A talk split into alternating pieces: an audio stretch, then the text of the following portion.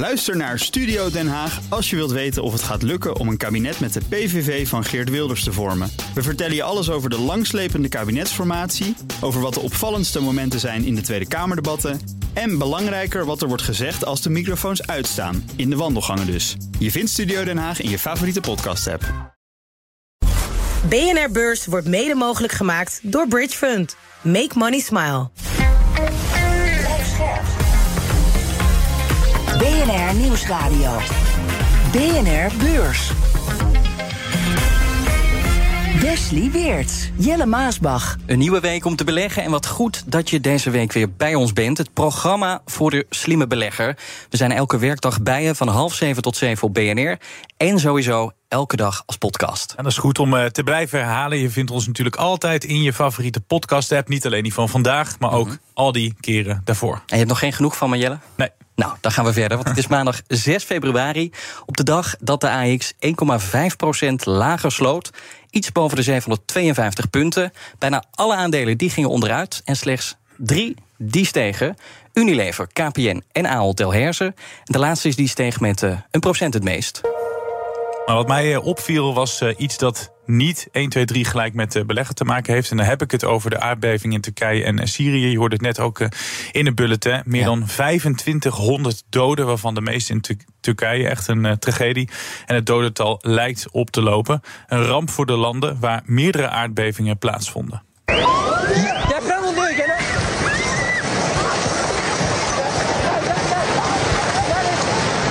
Ja, bovenal natuurlijk heel veel menselijk leed. Daarnaast financiële schade, veel infrastructuur en gebouwen verwoest. En het bericht eh, dat de handel in acht Turkse beursbedrijven werd stilgelegd na die aardbeving. Ja, die Turkse beurs die grepen inderdaad in. En het gaat dan om bedrijven uh, die in dat uh, aardbevingsgebied zijn gevestigd. En er mag pas weer gehandeld worden ja. wanneer ja, de impact duidelijk is. en daar gaan we even heel kort over praten met onze gast. Want we hebben ook altijd een gast natuurlijk. Dit keer Wim Zwanenburg van Stroeven Lemberger. Goed dat je er bent. Goedenavond. Welkom Wim. Um, ja, ik zei het net al, er mag pas weer gehandeld worden wanneer de impact duidelijk is. Maar dat kan nog wel even duren, lijkt me, voordat er weer gehandeld wordt. Ja, dat is met name voor die fondsen die, uh, en, en die ondernemingen die in dat gebied zijn uh, gevestigd. Want de rest van de beurs was wel gewoon open vandaag. En ja. die liet ook uh, aanvankelijk ook een forse schrikreactie zien. Van meer dan 4% onderuit. in de loop van de middag trokken die koersen wel, wel bij. En dan gaat het over de Turkse beurs. Dan gaat het over de Turkse beurs. Dan gaat het echt over de, de beurs in Istanbul. Hoe bijzonder is dit eigenlijk? Dat, doen andere landen dit ook wanneer ze geraakt worden door natuurgeweld. Bepaalde aandelen even stopzetten totdat er meer duidelijkheid is. Nou, iedere beurs heeft beursreglementen. En, en er kunnen altijd specifieke fondsen stopgezet worden. Eh, de handel. Hè. Soms uh, wanneer er onevenredige vraag- en aanbodverhoudingen zijn, limieten worden overschreden. Uh, of dat er bijvoorbeeld bepaalde geruchten zijn, of zelfs handelscondities, of iets van een overname of iets dergelijks. -huh. Dus dan wordt de handel opgeschort. En dat zou in dit geval wel uh, even voor die fondsen specifiek wat langer kunnen duren. Dan moet ik zeggen dat ik uh, de Turkse beurs uh, niet zo heel specifiek op de voet nee. volg. Vandaag natuurlijk wel even heb gekeken wat, wat de reactie is. Maar wereldwijd ja, stelt eerlijk gezegd die Turkse beurs niet zoveel voor.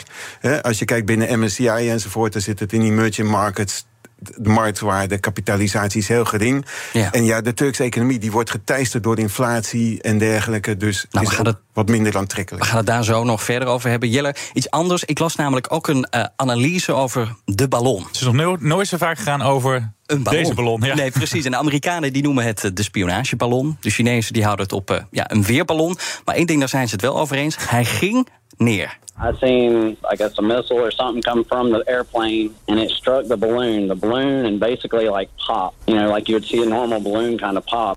Nou, dit kennen we natuurlijk, hij ging dus neer. Maar uh, volgens analisten die CNBC sprak... kan dit echt serieus hele grote gevolgen hebben. Ja, ik las die analyse, want ze zeggen... ja, we kennen de handelsoorlog natuurlijk. Sindsdien mm -hmm. is de verstandhouding tussen de Chinezen en de Amerikanen... echt gigantisch verstoord. Daar komt ja. dit conflict er ook nog eens bij. Daar gaan we het zo meteen uitgebreid over hebben. Maar heel kort, Wim, wat zeg jij? Was het een weerballon of was het spionage? Nou, ik sluit niet uit dat het een spionageballon was. Maar ja, uh, we weten toch dat de Chinezen uh, sowieso al uh, spioneren. Ja. En als je op TikTok zit, of je, Biden zit erachter... of allerlei mobiele telefoons, Huawei enzovoort er wordt ook gezegd uh, door de Amerikaanse politici... eigenlijk heeft bijna ieder Amerikaan een, uh, een ballon in zijn broekzak zitten. ja, dan naar een uh, overname soap uit Amerika. Daar zit public storage achter live storage aan. Dat gaat dus om de verhuur van opslag. Je weet wel, van die garageboxen waar je spullen kan stallen. Alsof we terug zijn in de jaren tachtig. Ja, wel. Voordat ik geboren ben zelfs. ja, precies. Maar het gaat wel, Wes, om 11 miljard dollar. Een vijandig bod trouwens. En als het slaagt, dan wordt het ook een van de grootste overnames van dit jaar. Is alleen even de vraag of er dan mensen uit moeten als hmm. die twee bedrijven gaan, uh, gaan samenvoegen. Ja, en daarover gesproken, over, over banen. Want vrijdag kwam natuurlijk dat uh, banenrapport uit, uit de VS. Uh, was beter dan verwacht, want iets meer dan 500.000 banen kwamen erbij. terwijl economen, ja, die hadden 185.000 voorspeld. Is echt heel veel meer. Mhm. en die werkloosheid die daalde ook naar het laagste niveau sinds 1969. En dat zag er allemaal goed uit. Maar beleggers die waren daar dan weer niet zo blij mee. Want hoe beter dat rapport, hoe kleiner de kans dat er eh, snel een einde komt aan de renteverhogingen. En zometeen dan antwoord op de vraag: is de rentedroom van beleggers uiteengespat?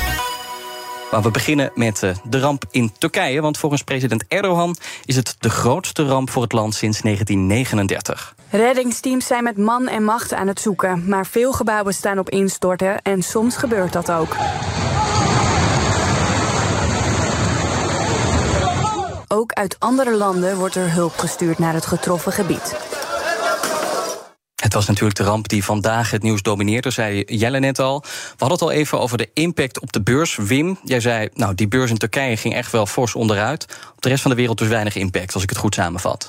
Nee, daar wordt het nieuws door andere zaken onder andere de, de ballon eh, gedomineerd. Precies. Wat, wat, ik en de rente en de banengroei in de VS. Dat was wel een heel interessant ding dat ik uh, las. Want Turkije legt ook een olieterminal stil. Uh, en ja, ik wist het niet, maar daar vandaan worden per dag meer dan 1 miljoen vaten geëxporteerd.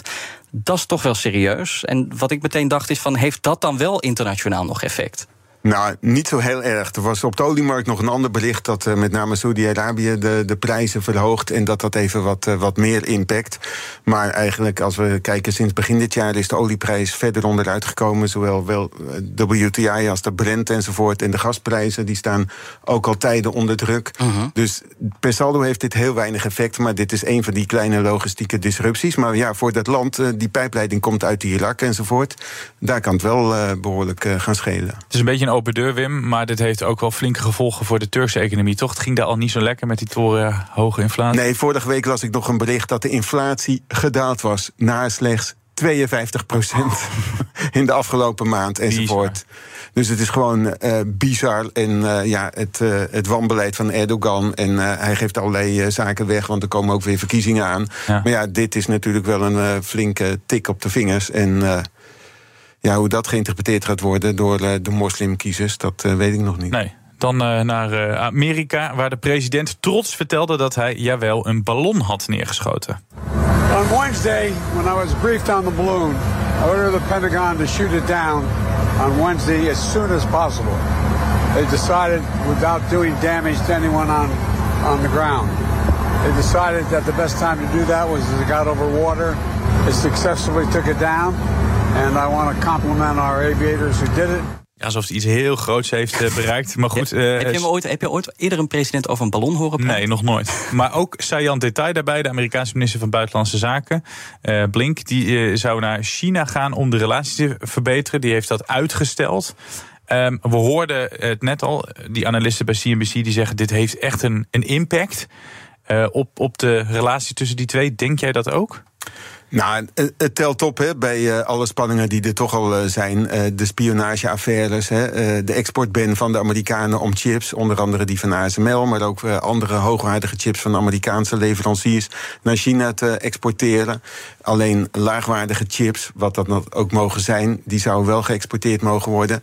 Het telt, telt op. Hè. Natuurlijk, sinds Trump aan de macht kwam, zijn de spanningen met China enorm opgelopen. Het concentreert zich meer over Taiwan en wat er in de Zuid-Chinese Zee uh, gebeurt. Uh, natuurlijk de strijd om de economie op, uh, op technologisch gebied, ook op het wereldtoneel. Ja, en wat een ballon daar dan uh, bijdraagt.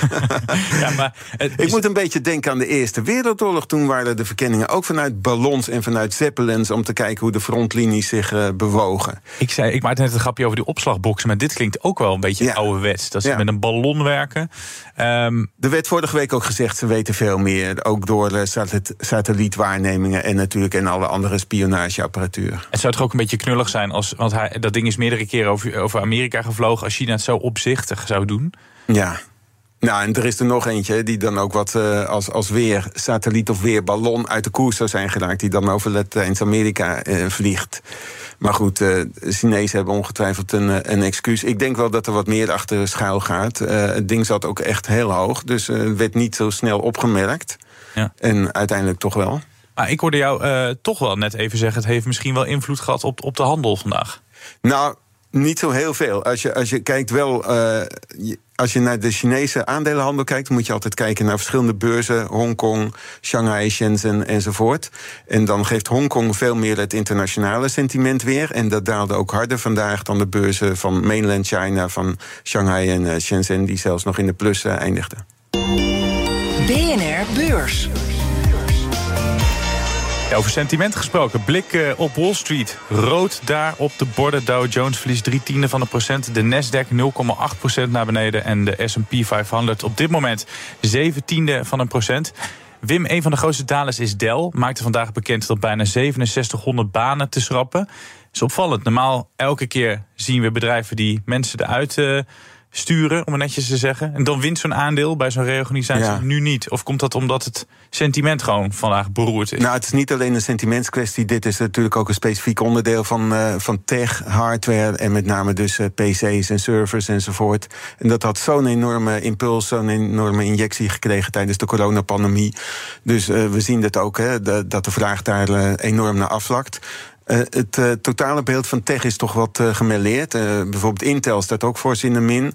Ja. Maar het is ook een kwestie van concurrentieverhoudingen. Want een ander chipfonds, bijvoorbeeld Nvidia, die staat zelfs behoorlijk in de plus vandaag. Maar ja. toch blijft overeind staan wat Jelle zegt. En normaal gesproken, als er zo'n reorganisatie wordt aangekondigd, gaat het aandeel omhoog, ja. nu omlaag.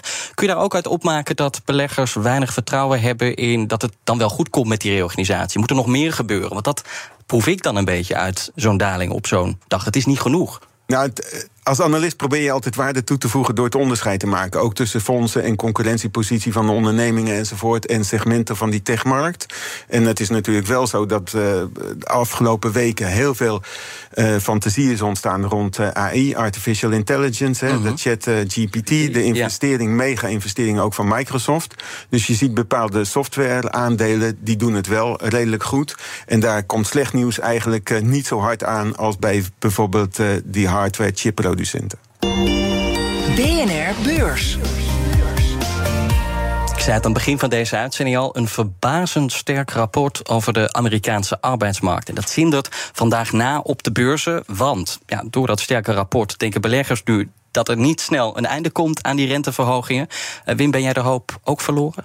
Nou, ik kijk altijd eh, naar bepaalde barometers. Mm -hmm. uh, de Amerikaanse economie is wel ontzettend veerkrachtig. Hè. Dat zag je inderdaad aan dat uh, banenrapport. Non-farm payrolls, altijd op de eerste vrijdag van de maand. Ja. 517.000 erbij. Maar als je kijkt naar de totale arbeidsmarktanalyse... wat de afgelopen, maand, afgelopen maanden wel aan de gang is... dat de Amerikaanse economie toch aan het afkoelen is. En dat zie je onder andere ook uh, bijvoorbeeld bij de inhuur van tijdelijke werkkrachten, uitzendwerk enzovoort. Dat droogt toch wel op. Aan de andere kant is de werkloosheid heel erg laag. En ja. de groei van de uh, service, dus de dienstensector, die is toch ook nog behoorlijk. Er kwamen afgelopen week ook trouwens tegenstrijdige signalen over naar buiten. Twee meetinstituten gaven totaal tegengestelde uh, rapporten. Dus beleggers weten het ook even niet. Nee. En dan kijk ik een van die barometers, met name ook naar de geldmarkttarieven en de futures, de termijnhandel daarvan. En voorheen, uh, vorige week, uh, werd daar wel ingeprijsd dat toch uh, nog voor het jaar, jaareinde de Fed wel weer zou gaan verlagen, omdat de Amerikaanse economie, zo werd verondersteld, in een recessie terecht zou komen. Maar... Nou, het is nu zo sterk dat die recessie die, die, die verdwijnt naar de horizon. Dus ook die, die verlaging. Die komt niet meer. Nou, er zal ooit wel weer een recessie aankomen. ja, maar niet, niet op korte Maar nu uh, uh, wordt die uh, begin 2024 uh, Maar, maar, toch, als ik nog even terugga naar die werkeloosheid, naar die arbeidsmarkt. De FED die zegt al een tijdje dat die werkeloosheid moet stijgen of mag stijgen om die inflatie omlaag te krijgen. Dat wil maar niet lukken. Hoe komt dat? Er zijn zoveel onevenwichtigheden. Nog steeds de echo's ook van die coronapandemie. Hè? Uh, als, je, als je kijkt bijvoorbeeld ook uh, naar zoiets als uh, de participatiegraad. Hoeveel medewerkers, hoeveel geschikte medewerkers bieden zich aan. -huh. Dus het aantal openstaande vacatures, dat is ook nog wel behoorlijk. ja, vroeger zeiden ze altijd beneden de 4 procent. Dan gaat de inflatie enorm oplopen.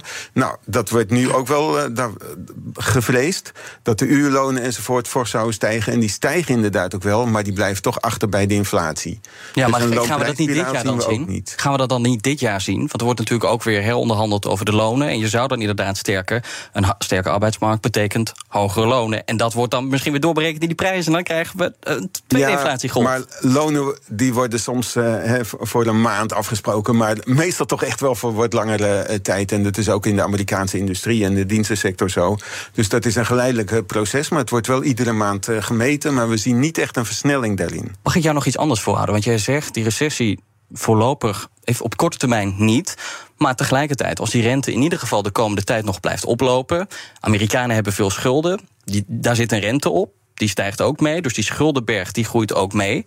Maar ja, als je die niet meer kan betalen, die betalingsachterstanden lopen dan op, is dat niet ook een serieus risico voor een, uh, voor een recessie? Dat het een soort van domino-effect creëert? Ja, er zijn altijd meerdere oorzaken van een recessie. En waar, waar de markt ook bang voor was, was juist dat de Fed te hard op de rem zou uh, trappen. En ja. dat dan echt ook inderdaad uh, een werkloosheidsgolf ontstaat enzovoort. De financiële positie van Amerikaanse gezinshuishoudingen die valt eigenlijk wel mee. Hoewel we de laatste maanden wel zeg maar de, de creditcard kredieten enzovoort. Maar ook autoleningen een gemiddelde Amerikaan 29.000. Nou, die rente is van 4,5 naar volgens mij 7 procent of ja, zo maar gegaan. Ze zijn eigenlijk door de inkomenssteun uh, tamelijk goed door de coronapandemie uh, heen. Uh, maar heen die is gestopt nu een grotendeel. Ja, nee, de, de inkomensoverdrachten enzovoort hè, van de Biden-administration en daarvoor nog ook, uh, ook van, van Trump. Dat heeft juist de inflatie ook wat, wat opgestuwd waarschijnlijk. Maar goed, huizenprijzen die stegen afgelopen jaren en ook aandelenmarkt hebben zich redelijk weten te herstellen. En die schulden ten opzichte van van eerdere meetmomenten, zoals bijvoorbeeld de Global Financial Crisis enzovoort, die vielen wel mee. Maar wat je nu wel ziet, is dat de, uh, zeg maar de nieuwe huizenbouw enzovoort en hypotheekaanvragen, dat neemt echt wel af. Want daar zie je echt wel het effect van de hogere rente. Ja, nou kijken we wat er uh, morgen op de agenda staat. Het is stilte voor de storm, want woensdag en donderdag komen weer kwartaalcijfers van eigen bodem. En deze dag moeten we het doen met een aantal buitenlandse indicatoren. Om te beginnen met Frankrijk. In het land zijn ze goed in staken, maar kunnen ze ook een beetje handelen. Beleggers kunnen in de ochtend reageren op de handelsbalans van de Fransen. En ook komen ze met de betalingsbalans. Beide gaan over de maand december. En ook de Amerikanen hebben een balansdag.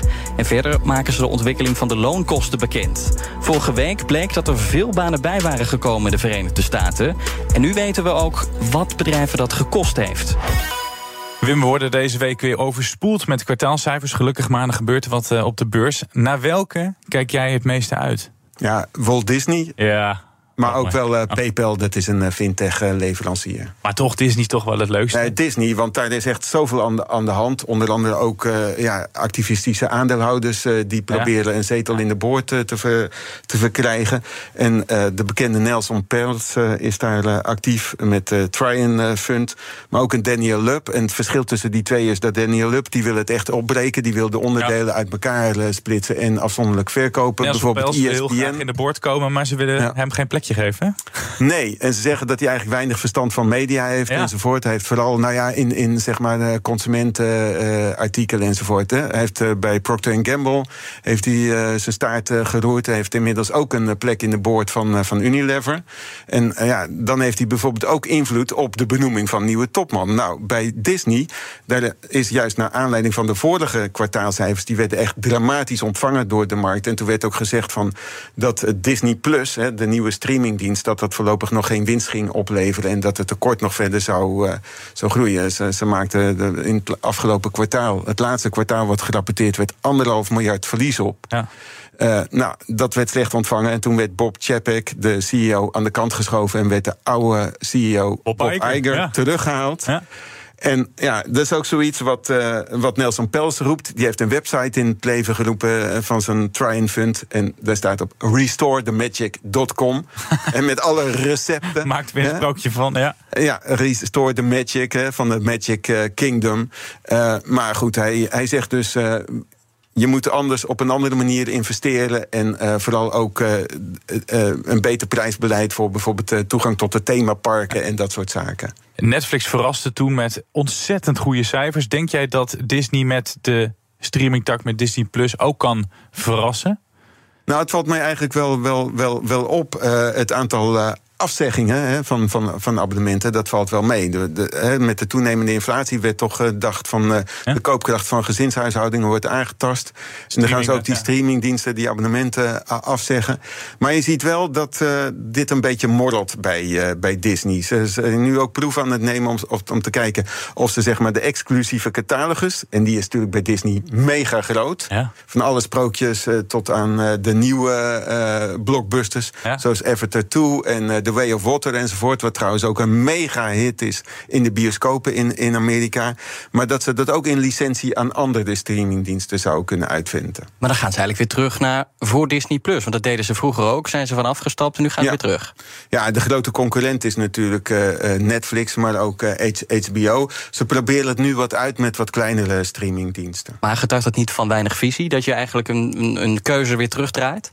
Ja, nou ja, ik, ik, ik denk dat uh, dit, dit is nu natuurlijk uh, nieuw terrein. En zelf uh, Bob Iger die zal daar toch wel een beetje manoeuvreren en, en eens een keer wat uitproberen. maar ja, Disney heeft afgelopen jaar ook nog hele grote overnamen gedaan. En uh, daar hebben ze meer dan 70 miljard voor de Fox uh, neergeteld. En dat is toch ook iets uh, wat Nelson Peltz als kritiekpunt heeft. Daar moeten ze mee stoppen. Eerst meer, zeg maar, de bestaande assets uitbaten. Maar daar heeft Disney er ontzettend veel van. Ze hebben natuurlijk afgelopen jaar ook wel de wind tegen gehad. Hè. Het bezoek aan de themaparken met de coronapandemie, dat lag natuurlijk helemaal stil. ja, wat natuurlijk wel is, dat er ook koordkutters zijn. Dus uh, zeg maar abonnees van traditionele tv-kanalen die zeggen op. Dus daar lopen daar ook de advertentieinkomsten van bijvoorbeeld een traditionele ESPN en van ABC lopen terug. Mm Dus ESPN Plus en Disney Plus en dat soort kanalen en, en, en, Hulu en Star, daar moet Disney het ook in de toekomst van, van hebben. Dat wordt heel spannend. Woensdag komen ze. Woensdag na beurs komen ze met, uh, met, met cijfers. Nou mooi, dankjewel. Dit was hem, de aflevering van BNR Beurs. We danken jou voor het luisteren en Wim voor zijn analyse. Wim Zwanenburg van Stroevel en Bergen Vermogensbeheer. Maar voordat we afsluiten, Wes, hebben we altijd een tip, hè? Zoals elke aflevering uit dat boekje van Corné van Zel. 365 tegeltjes wijsheden voor de belegger. En vandaag een over de beleggers die de koersen zagen dalen en daar dan weer van schokken.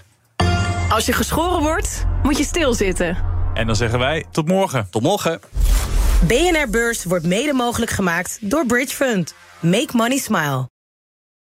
Ook Thomas van Zeil vind je in de BNR-app. Je kunt live naar mij luisteren in Zaken doen. De BNR-app met breaking news, het laatste zakelijke nieuws... en je vindt er alle BNR-podcasts, bijvoorbeeld Het Nieuwe Geld. Download nu de gratis BNR-app en blijf scherp.